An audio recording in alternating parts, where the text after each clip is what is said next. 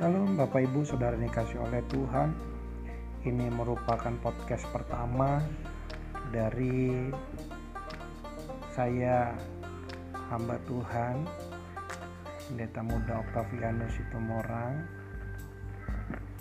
Harapan saya melalui podcast ini kita sama-sama belajar firman Tuhan Kita dapat mendengarkan firman Tuhan di waktu-waktu kita di jam-jam istirahat kita sebelum tidur dan di pagi hari ketika kita bangun tidur.